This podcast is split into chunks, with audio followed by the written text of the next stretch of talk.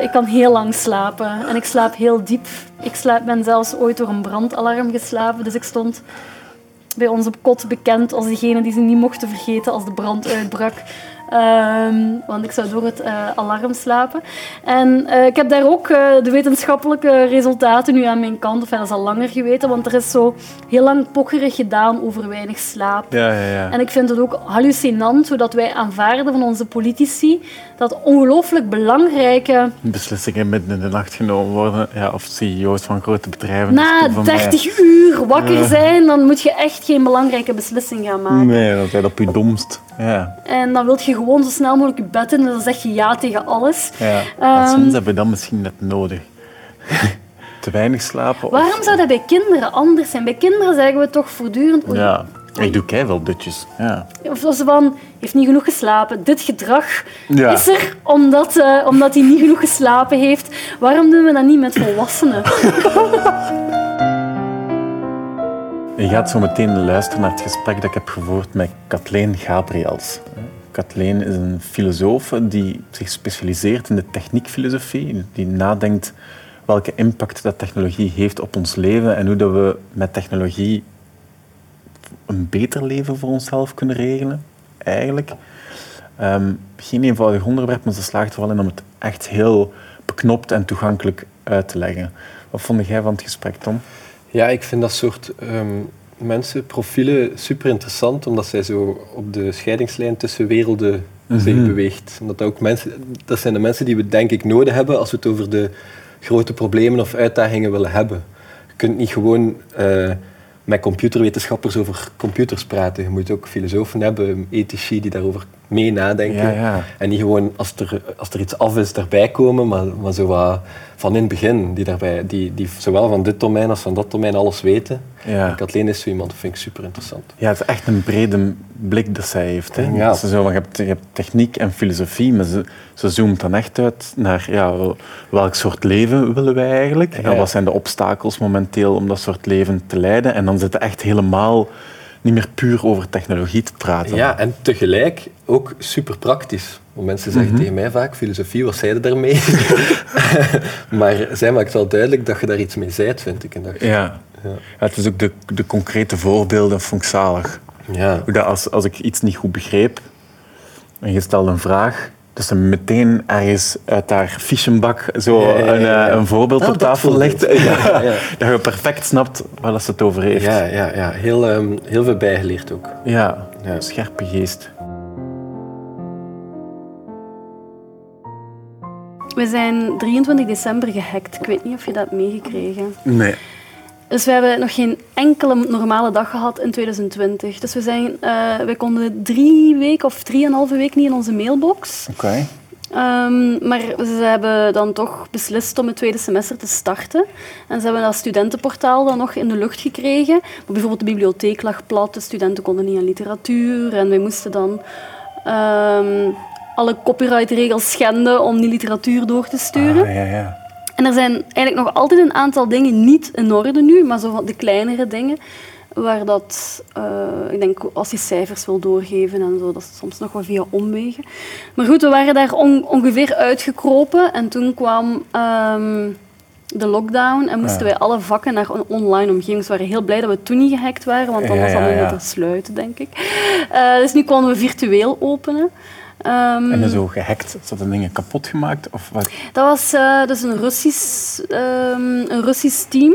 Heeft een, eh ja, zijn ransomware Ja. gedaan. Dus ze hebben uiteindelijk ook in bitcoins losgeld betaald. Echt? Ja, ja, ja. Ehm, Ze hebben echt beslist om te betalen. Want ransomware wil zeggen dat ze zo wat data blokkeren, om het simpel te zeggen. beslag leggen op, ja. Ja, en als je toegang wilt, terug dan moeten betalen. Ja, en als je niet betaalt, is het grote risico dat ze gegevens gaan lekken. Ja. En met onderzoeksdata wil je dat echt niet riskeren. Mhm. De, de, we hebben ook een academisch ziekenhuis, dat was er niet bij betrokken, maar stel je voor dat die dan patiëntendossiers gaan beginnen lekken. Ja, ja, ja. Eh, dus ze hebben betaald en vanaf dan krijg je de sleutels in handen om terug eh, te herstellen.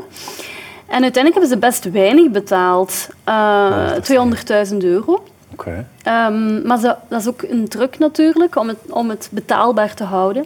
En ze zeggen allemaal, ja, niet betalen, niet betalen, want eh, daarmee hou je het systeem in stand. Want met als jij betaalt, dan gaan ze weer met dat geld nieuwe dingen doen. Ja. Maar ehm, ja, het is ook geen toeval dat het tussen kerst en nieuwjaar is gebeurd, omdat dan de IT-services minder bediend zijn. Dat is, een, dat, is een, dat is een zwakke schakel, de mens is altijd een zwakke schakel. Ehm, en wat ook wel is, de U Antwerpen is ook gehackt vorig jaar en die hadden eigenlijk vrij weinig gecommuniceerd daarover. En uh, Maastricht heeft beslist om echt open te communiceren, ook om andere universiteiten Ja. te waarschuwen. Uh, misschien had Antwerpen dat wat meer kunnen doen, want dan... Want Dat had bij was- jullie misschien ook eh, Ja. geholpen. Ja, Heb jij daarvan geschrokken met al het denkwerk dat je daarover doet? Van hoe, hoe, hoe, ehm, hoe hard dat, dat jullie raakte als dat plat viel? Nee. Dat je dat zo wel kunt bere- beredeneren, maar dat als je het meemaakt, dat je iets hebt van oeh, het is toch heftiger dan ik dacht? Of lag daar gewoon een... Ja, dat klinkt natuurlijk altijd nogal eh, pedant om te zeggen van... Maar ik denk, eh, als je... Ik heb ook een aantal congressen eh, meegemaakt met hackers, ethische hackers. En Dat zijn er die hacken, maar die het laten weten. Hè? ja, maar dat zijn ook, die kun je inhuren door bedrijven. Ja, Dus bedrijven huren dat dan in om Ja. te kijken waar zijn de zwakke schakels in ons systeem. Ja. Ik herinner mij ook nog een lezing van iemand die bij een veiligheidsdienst had gewerkt. En ja, dan weet je wel van, kijk, dit... Ik zou ook nooit informatie op die servers hebben geplaatst, omdat ik dat niet vertrouw. Ja? Maar ik had bijvoorbeeld collega's die heel erg bang waren dat hun data kwijt waren. Ja. Maar ik ben daar ja, misschien ook wel te oldschool in, maar ik vertrouw meer op externe harde schijven en USB-sticks, maar niet zomaar op een server.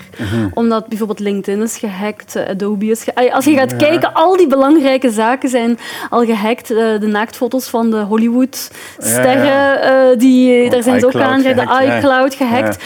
Dus waarom? Allee, dan ben je toch super arrogant om te denken van de Universiteit Maastricht zal niet gehackt worden. Als zelfs LinkedIn Ja. er niet in slaagt om, om er data in die mate te beschermen, dat ze... Is dat die redenering of is dat meer een soort luiheid? Dat, dat mensen zeggen van, "Ach, moet ik dan met een USB-stick rondzuilen? Ik zet Het het wel echt gewoon om in- gemakzucht. Eh, Ja. niet gemakzucht niet, het is ook gewoon veel gemakkelijker. Ja, ja. Eh, omdat, eh, ik heb dat nu ook wel... Ik ben, allee, het is ook zeker niet dat ik er volledig van wegblijf, maar bijvoorbeeld nu moesten we een nieuwe cursus in elkaar steken. En dat hebben we ook via Google Docs gedaan. Mhm. Omdat je dan ja, op die manier vermijdt dat je met drie personen in hetzelfde document werkt, afzonderlijk van elkaar. En hier heb je één. Maar ik zou nooit op zo één ehm, server gaan vertrouwen. Dus ik, ja... En, en nu al helemaal niet meer sinds die hacking. Ja. Maar ik merkte wel, voor mij, dat- ik heb weken extra rust in mijn hoofd gehad van ook ben niks kwijt.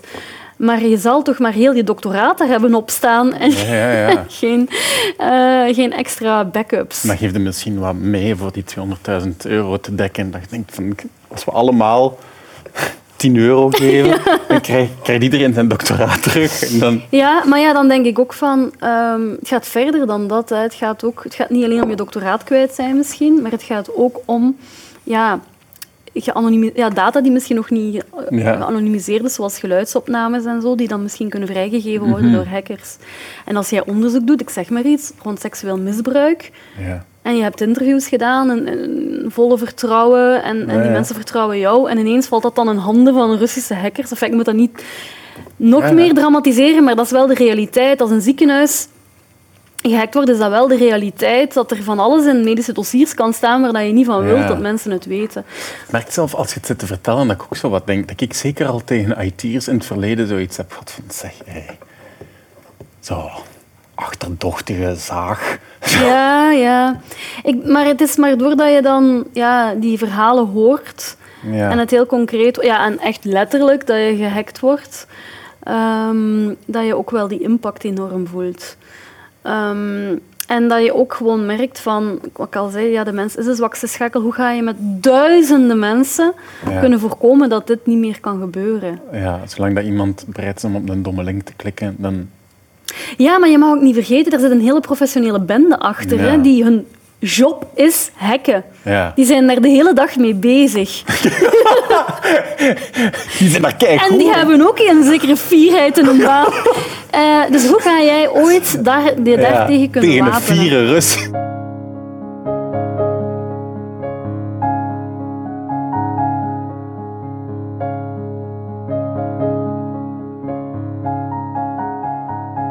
Je hebt een thesis gemaakt en uw doctoraat zelf ook over Second Life? Ja. Ja, dat is raar. Wat vind je daar raar aan? Omdat een- dat, dat iemand in de wereld een thesis gemaakt heeft over Second Life en een doctoraat of een kra. Ik heb daarop gezeten, ik vond dat wel leuk. Maar Wanneer zat je erop? goh, helemaal in het begin, echt vroeg nog. Bij de hype of echt toen het begon? Eh, iets voor de hype. 2006 Maar het was wel al aan het, ik zat er wel wat tussen nerds en daar was het wel al aan het hypen. Maar ja, zoiets. Ja, ik, vond het wel, ik vond het heel snel saai wel, maar ik had wel iets van, oeh, Ja, ik, zou wel ehm, wereld kunnen worden. ik eh, studeerde moraalwetenschappen. En ehm, ik studeerde in Finland een jaar, eh, Erasmus. En er was ook een vak internationale organisaties. En ja, dan krijg je uitleg over de NAVO. En... Maar toen was er ook een lezing en, en die heeft mij enorm geboeid over het internet. Van, kunnen we dit ooit reguleren? Kunnen we daar ooit een internationale organisatie van maken, zoals je de VN hebt en die gaat dan nadenken over het internet? En, ehm, dus ik was daar al heel erg door geïntrigeerd.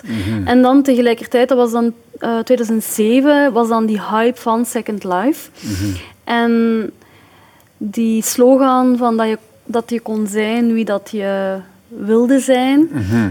Dat vond ik ongelooflijk interessant, omdat je dan denkt, Wie ja, willen mensen dan zijn? wie word je dan? Ja. Ehm, hoe wordt die wereld moreel gereguleerd? En ja, dus jij zegt van, ik vind dat raar dat je daar een thesis... Ja. Ik vond het totaal absurd dat daar niks rond gedaan werd, omdat... ehm, ja, het is een hele opleiding over moraalfilosofie, en of wijsbegeerte en iets breder. Ehm, en je krijgt dan een wereld waarin dat je eigenlijk onerbiedig kunt zeggen dat is een speeltuin voor moraalwetenschappers. Dat is echt een speeltuin. Hoe kan je daar... Je kan daar mensen gaan eh, observeren, je kan daar mensen gaan bevragen, je kan daar experimenten gaan uitvoeren. Ja. En wij doen daar niks mee. Ehm, dus ik ben dan... eh, ik denk dat ik mijn eerste scriptie daarover geschreven heb in Finland. En dan kwam ik terug van Finland en dan wilde ik stoppen. Eh, en mijn ouders zeiden van, goh ja, kijk, het is toch nog maar één jaar en eh, doe het toch. En wij betalen het en zoek u een kamer in Gent en dan is dat ook afgerond. Dat is een beetje zo, ja, de, de, ja, de, generatie die, die, die Ja. er heel hard op hamerde van, als je er dan aan begint, maak het dan af. En goed, ik heb me dan laten overtuigen.